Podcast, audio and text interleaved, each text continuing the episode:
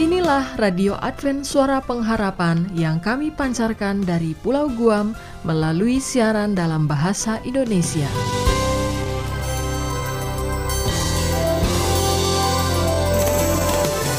Salam sejahtera kepada saudara pendengar di mana pun Anda berada. Selamat berjumpa kembali dengan kami Radio Advent Suara Pengharapan. Dengan senang hati kami akan menemani Anda dan keluarga dengan rangkaian acara yang telah kami persiapkan bagi Anda sekeluarga dan harapan kami kiranya siaran ini dapat bermanfaat dan menjadi berkat bagi kita semua. Selamat mengikuti dan selamat mendengarkan. Tuhan memberkati.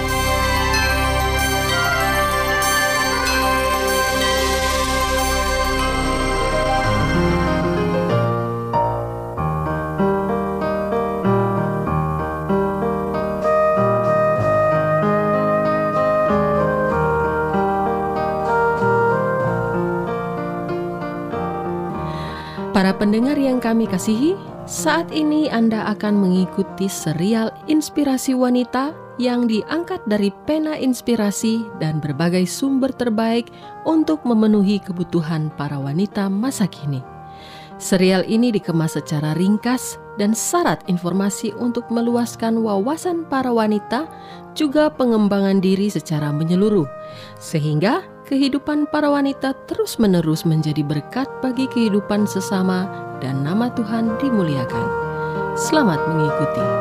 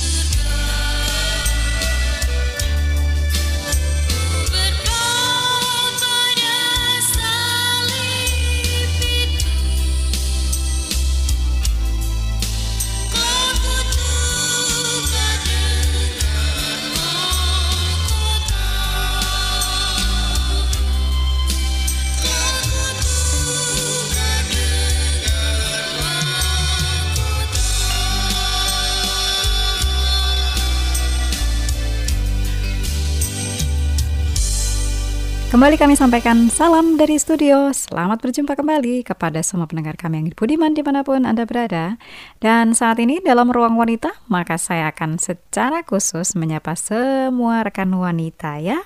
Khususnya saat ini yang bersama dengan kami dan selalu mengikuti program-program ruang wanita. Ah, para rekan wanita, ternyata kali ini uh, saya akan mengajak kita semua untuk melihat ya, ternyata ada loh perbedaan antara pria dan wanita Ya, kalau perbedaan secara fisik dan lain khas sebagainya kan kita sudah ketahui ya, itu memang ada.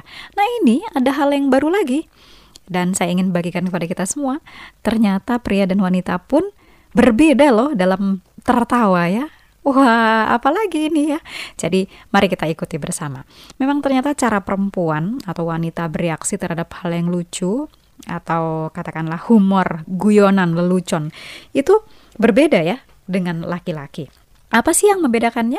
Jadi ada seorang uh, dokter yaitu Race di salah satu universitas di Stanford ya. Jadi dia dari Stanford University. Uh, dia merupakan direktur dari Brain Science Research.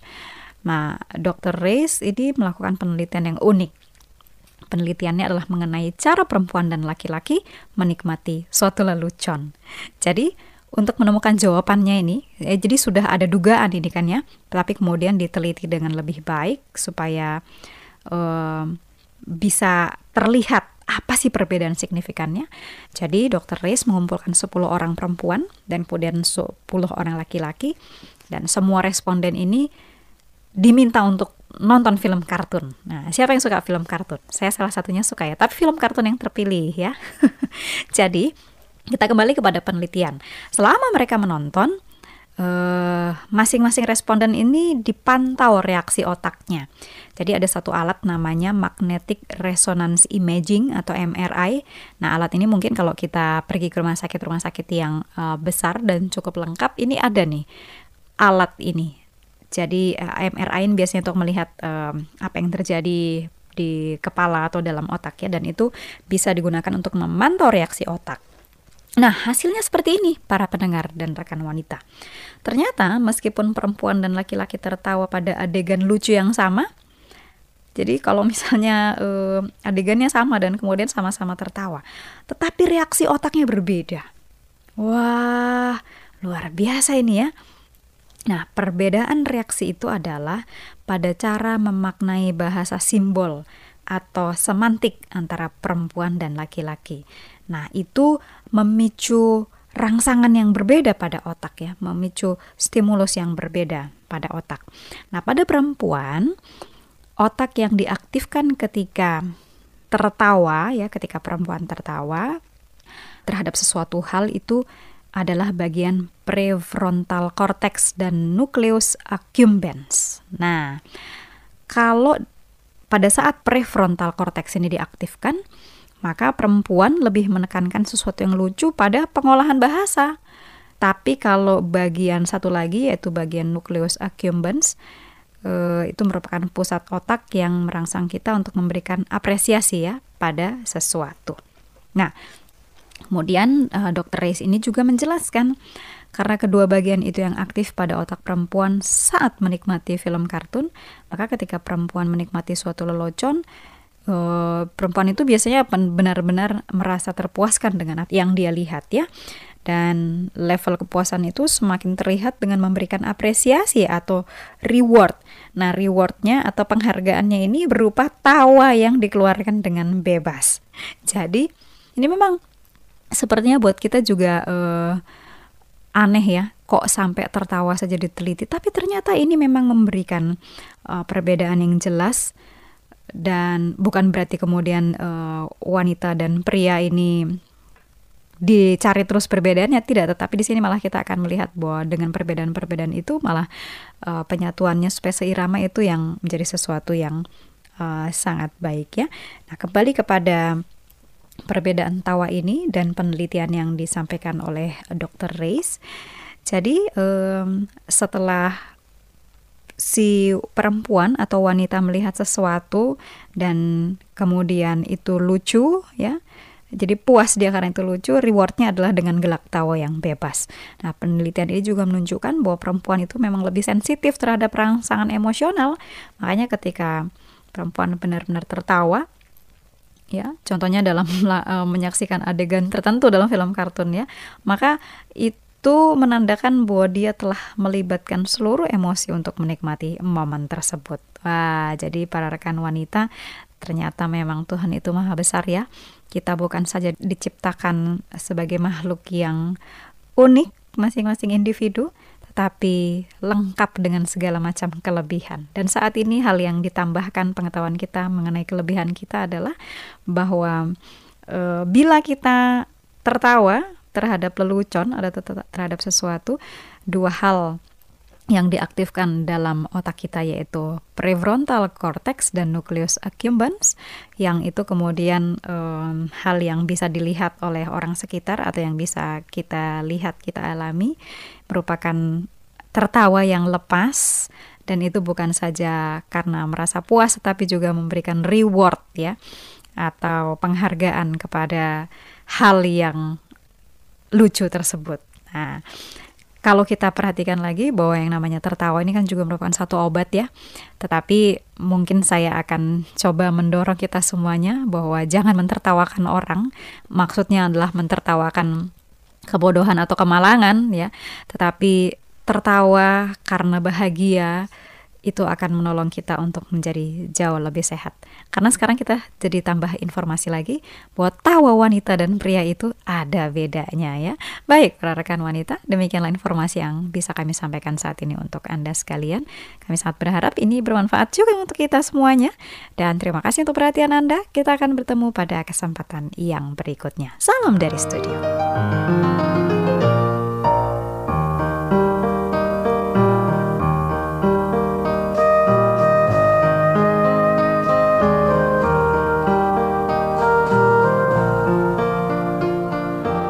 Demikianlah saudara pendengar, khususnya kaum wanita yang sudah mendengarkan satu bahasan yang kita ikuti bersama yaitu Inspirasi Wanita. Kiranya yang baru saja Anda dengarkan dapat bermanfaat dan dapat dilakukan dalam kehidupan sehari-hari. Terima kasih atas perhatiannya dan pastikan Anda kaum wanita tetap bersama kami untuk mengikuti program Inspirasi Wanita selanjutnya.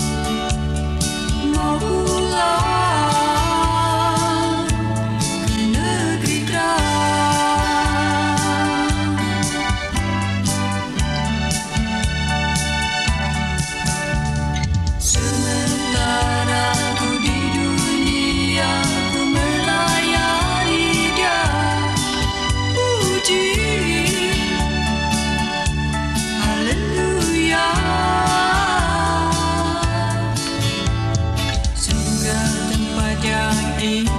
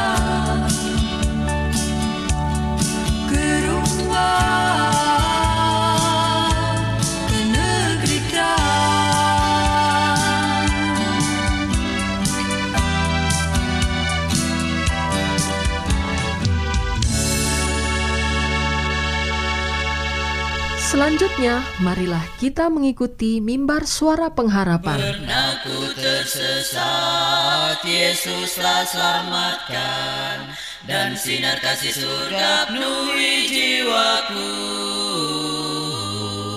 Namaku tersurat di kitab Al-Hayat, berjalan dengan Yesus hidupku selamat. Inilah mimbar suara pengharapan dengan tema bejana gelas yang gagal. Selamat mendengarkan. Dengar serumu dan segera jawab doamu. Bila kau rasakan berkat doamu, lalu imanmu makin bertumbuh. Kini selamatlah hidupmu dalam kasihku.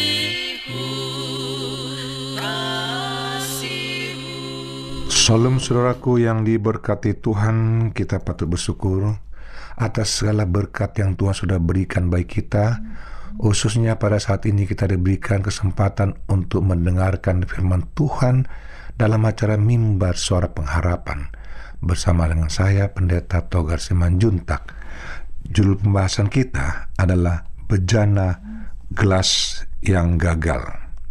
Nah, saudara, Mungkin saudara belum pernah melihat bagaimana proses bejana itu dibuat, bagaimana proses ke kelas itu dibuat. Saya secara pribadi memang belum pernah melihat akan pembuatan gelas di pabrik atau di mana. Tetapi pembuatan bejana atau dari uh, cangkir dan tanah liat ataupun panci segala macam dan tanah liat saya sudah pernah melihat beberapa kali. Nah, sering kali apabila bentuknya tidak sesuai atau masih ada yang tajam dan bisa diselamatkan, maka bejana itu akan dihancurkan, dibuang. Tidak mereka jual, karena merusak akan nilai produksi mereka. Nah, dalam Jeremia 18 ayat 4 dikatakan, apabila bejana yang sedang dibuatnya itu dari tanah itu di tangannya itu rusak, maka tukang perik itu mengerjakannya kembali menjadi bejana lain menurut apa yang baik pada pemandangannya. Nah, saudara, inilah yang harus kita lihat. Bagaimana kita harus memperhatikan seorang tukang bejana jika dilihat akan bejana yang dibuat itu tidak sesuai kriteria ataupun quality control ya quality control yang di standar mereka maka itu akan dibuang dan dihancurkan diproses kembali dengan keinginan dari pembuat bejana tersebut jika Anda pernah menonton tayangan mengenai pembuatan gelas kaca atau bencana dari gelas, lalu katakan setelah proses pembuatan gelas kaca dilakukan, gelas-gelas akan mengalami proses pembakaran terakhir untuk memastikan tidak ada bagian yang masih tajam. Pihak perusahaan gelas tentu tidak mau kalau gelas yang diproduksinya melukai tangan atau mulut dari pengguna gelas karena ada bagian yang masih tajam. Nah, sebelum dikemas dalam kardus, maka bagian quality control akan memastikan kaca yang akan dikemas sudah sempurna, alias tidak ada gelas yang cacat. Jika masih ditemukan cacat pada gelas, maka tanpa ragu gelas-gelas gagal produksi itu akan dibuang ke dalam sebuah wadah yang nantinya akan dilebur lagi untuk menjadi gelas yang bagus, yang baik, yang sesuai dengan standar dari quality control atau sesuai dengan keinginan si pembuat. Dan merasakan itu inilah gelas yang sudah benar. Nah, katakan saudaraku, kisah mengenai pembuangan gelas-gelas yang gagal produksi mengingat kita akan tukang periuk dan bejana. Dalam proses pembuatan tidak jarang sang tukang periuk akan melebur ulang bejananya supaya dihasilkan bejana terbaik. Lalu katakan dalam buku Nabi Jeremia, Jeremia menuliskan diminta oleh Allah untuk belajar dari tukang periuk supaya mendapat gambaran mengenai firman yang Allah sampaikan kepada bangsa Israel. Prinsip Tuhan jelas. Tuhan tidak ingin umat Islam menjadi bejana yang biasa-biasa saja. Tuhan mengendaki Israel menjadi terbaik, bejana terbaik, bejana yang indah, bejana yang layak dipamerkan, dan bejana yang memang betul-betul sangat nikmat, sangat enak saat dipergunakan, nyaman, tidak ada gangguan apa pun. Itulah yang Allah kehendaki. Makanya Allah menyuruh Jeremia untuk bagaimana menyampaikan belajar akan dari tukang periuk itu. belajar dari Tuhan bejana tersebut agar dia tidak boleh putus asa, tidak boleh dia langsung merasa puas juga, ya.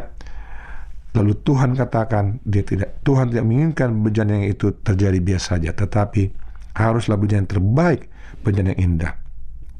Dalam bekerja, mestinya kita meneladani prinsip Tuhan, yaitu memastikan hasil pekerjaan kita yang terbaik. Ada dua alasan, yaitu demi kepuasan konsumen dan demi nama baik dari perusahaan kita. Ingat, jadi kalau kita berikan terbaik, itu pertama untuk memberikan kepuasan kepada konsumen ataupun nasabah kita, pemain kita, dia rasa puas dengan pelayanan kita, apa yang kita sampaikan, yang sesuai dengan promosi yang kita mungkin lakukan ada rasa kepuasan bagi dia. Dan juga kepuasan bagi si pemilik ya. Pemilik maupun para pekerja. Dan lalu kemudian itu memberikan satu nama baik kepada perusahaan. Kenapa? Dengan demikian perusahaan merasakan bahwa dia sudah memenuhi kriteria daripada nasabah ataupun uh, konsumennya. Dia sudah tahu oh inilah tipe situasi yang diinginkan oleh para konsumen kami. Nah saudara dalam hal inilah kita harus menjaga kelangsungan bisnis atau usaha kita dengan tadi menjaga kepuasan konsumen dan juga menjaga nama baik kita. Lalu demi hal itu kita bahkan harus bersedia rugi demi kepuasan konsumen, demi menjaga nama baik perusahaan atau brand yang kita pasarkan. Seperti contohnya, ada satu perusahaan smartphone termuka pernah menarik semua produknya yang ditengani ada masalah dalamnya. Berapa kerugiannya? Dikatakan triliun rupiah. Persis petuang priok yang tak segan-segan merugi karena menemukan bejana yang kurang baik demi menghasilkan bejana terbaik. Lebih baik rugi demi jaga nama baik daripada dapat untung, tapi sesaat saja yang mengorbankan nama baik, baik kita. Nah, saudaraku, bejana tempat penampungan gelas dibentuk sesuai dengan kriteria dibentuk dengan apa kemampuan dari uh, pembuat, dibentuk dengan tujuan untuk menyatakan bahwa ini gelas sangat bagus untuk dipergunakan dan menunjukkan juga karakter kriteria dari si pembuat ya bagaimana itu bisa dipergunakan, bagaimana tujuannya apa itu. Nah, saudaraku, dalam hal bejana itu misalnya rusak atau tidak sesuai dengan keinginan dari apa pembuat, maka dia akan melakukan satu perbaikan lagi. Nah, Tuhan tidak menginginkan umat-umatnya seperti bejana-bejana biasa yang hanya sekedar muncul ke permukaan. Tidak ada satu kekuatan iman, tidak satu keyakinan yang bisa dibanggakan kepada orang-orang sekitar kita. Tidak ada saudara. Itu yang bikin merusak kehidupan kita. Kita merasa sudah kita mampu. Kita merasa dengan dengan kehebatan kita, pendidikan kita mungkin dengan segala usaha kita yang sudah sukses kita rasa ah, kita pasti selamatkan tanpa kita sadari sebenarnya kita sudah seperti bejana yang rusak itu yang perlu direvisi, diperbaiki lagi menjadi bejana yang lebih baik di masa yang akan datang. Nah, itu perlu saudara lakukan. Perhatikan dengan baik. Tanpa itu, saudara akan menjadi bejana yang rusak. Ingatlah, Tuhan tidak pernah membiarkan saudara rusak dalam kehidupan saudara. Tapi Tuhan ingin saudara sempurna untuk mendapatkan kehidupan kekal. Nah saat ini saudaraku jika Anda mau doakan ataupun ada hal yang saya sampaikan, hubungi kami tim pelayanan mimbar suara pengharapan. Dengan penuh sukacita kami akan selalu melayani dan mendoakan Anda. Berkat Tuhan menyertai Anda adalah doa harapan kami. Salam saudaraku. Amin.